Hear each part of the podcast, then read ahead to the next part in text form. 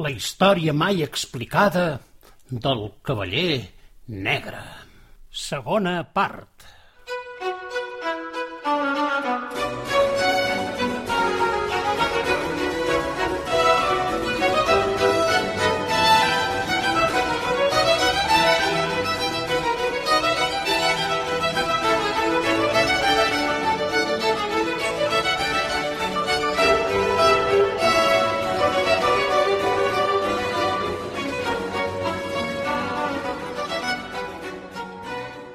Ja el dia clarejava, quan van veure dalt d'un turó aixecar-se un immens castell amb set torres i una gran porta amb un pont llevadís que feia possible entrar al castell salvant el gran fossar que el rodejava.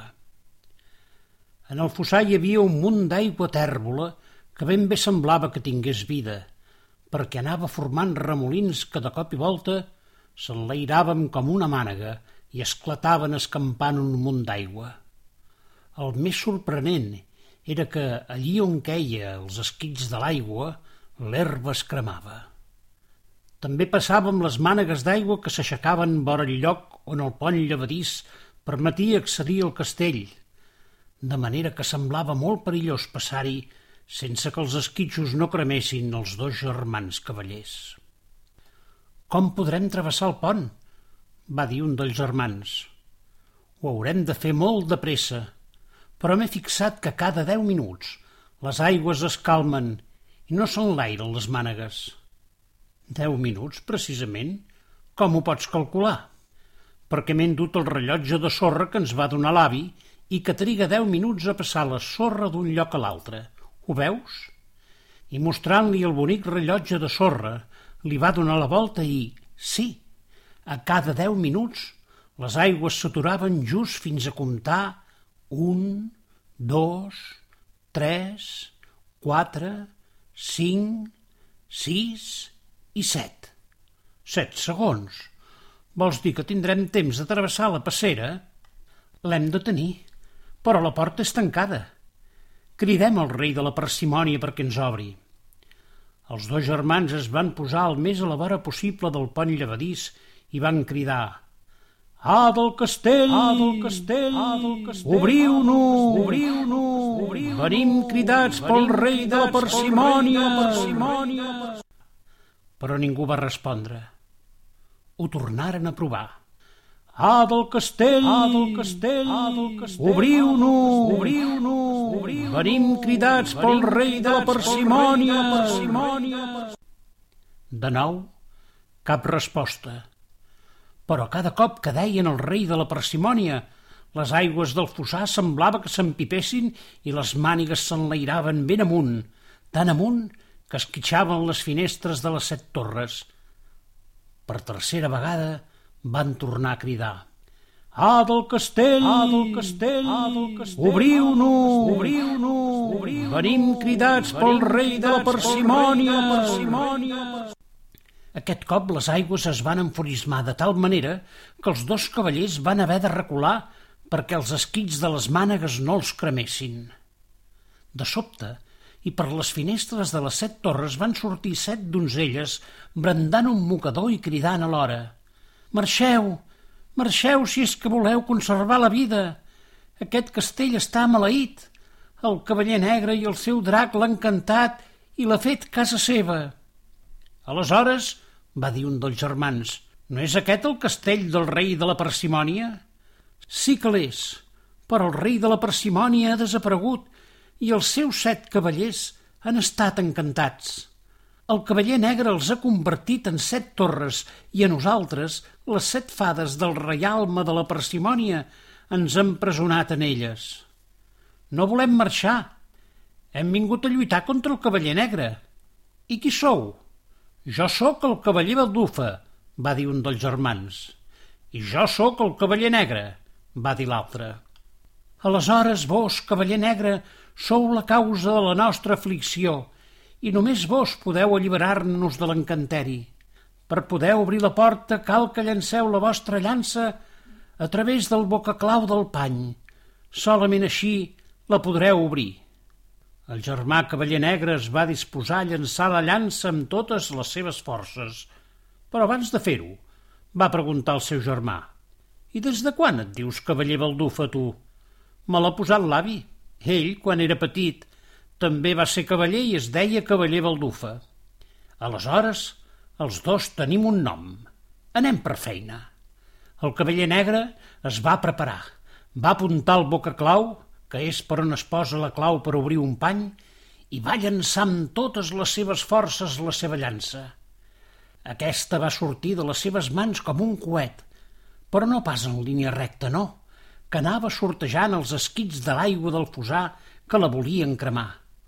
Finalment es va ficar pel boca clau i el pany va grinyolar de tal manera que tots els ratpenats del castell van aixecar el vol i van fugir cap al bosc.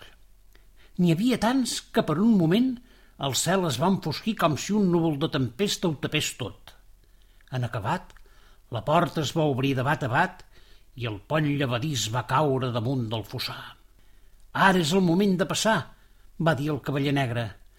Volta el rellotge de sorra i quan caigui el darrer gra de sorra esperonem els cavalls per travessar el pont perquè només tenim set segons. El cavaller Baldufa va girar el rellotge de sorra mentre el cavaller negre s'enfilava al cavall i tots dos s'anaven atensant al fosar. Semblava que les aigües estaven més enfurismades i que es delien per cremar els cavallers. Les mànegues s'enlairaven un nadí i allí on tocava l'esquitx l'herba es cremava. Just quan va caure el darrer granet de sorra i les aigües es van encalmar, els cavallers van esperonar els cavalls i mentre corrien, les set fades de les set torres van començar a comptar. Un, dos, tres... El cavaller Baldufa i el cavaller negre tot just arribaven al pont. Quatre, cinc, sis... Ara estaven ben bé al mig i només els quedava un segon. Aleshores els cavallers van picar amb l'esperó els cavalls i aquests van fer un salt llarguíssim i van entrar per la porta a l'hora que les set fades cridaven «I set!» Ho havien aconseguit. Va ser aleshores que les aigües del fosar es van amansir i es van tornar de color blau i dins seu hi nadaven peixos de tots colors. Però de cop i volta va tornar a sonar aquella campana.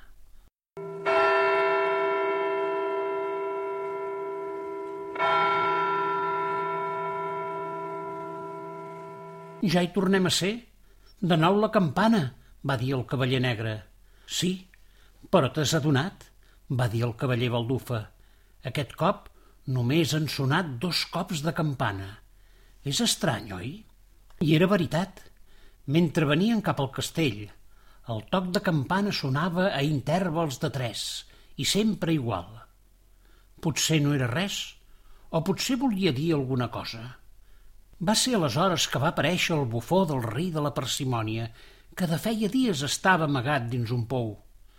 Quin ensurt que es van endur els dos germans en veure el seu caparró sortint pel forat del pou i guarnit amb un barret de cascabells. Oh, perdoneu-me si us he espantat. Fa dies que estic amagat dins aquest pou. M'hi vaig ficar quan vaig veure el cavaller negre i el seu drac entrar per la porta. Soc Bimbudí, el bufó del rei de la parsimònia, i us puc explicar tot el que va passar. Però abans, descanseu, mengeu i beveu una mica d'aigua fresca del pou.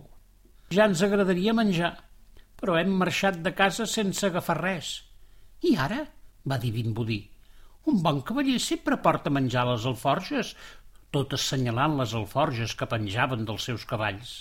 I heu de creure que hi van trobar de tot cereals, formatges i fins i tot mel i unes galetes que eren ben bé com les que els hi feia la seva mare. Aleshores els dos germans van descavalcar dels seus cavalls i ben asseguts convidaren a Bimbudí a fer un bon esmorzar. I ell, mentre menjava golut perquè feia dies que no havia tastat res, els va explicar el que havia passat. Heu de saber que el rei de la parsimònia és un rei molt estimat i tot gràcies als seus vuit cavallers que l'aconsellen i vetllen perquè la gent dels pobles l'estimin. Has dit vuit? Jo creia que eren set els cavallers, va dir un dels germans. És cert.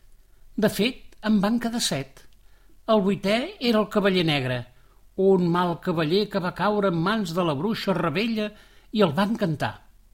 A partir d'aquell moment, tot el que feia el cavaller negre era per mirar de fer-se amb el tron i quedar-se al reialme.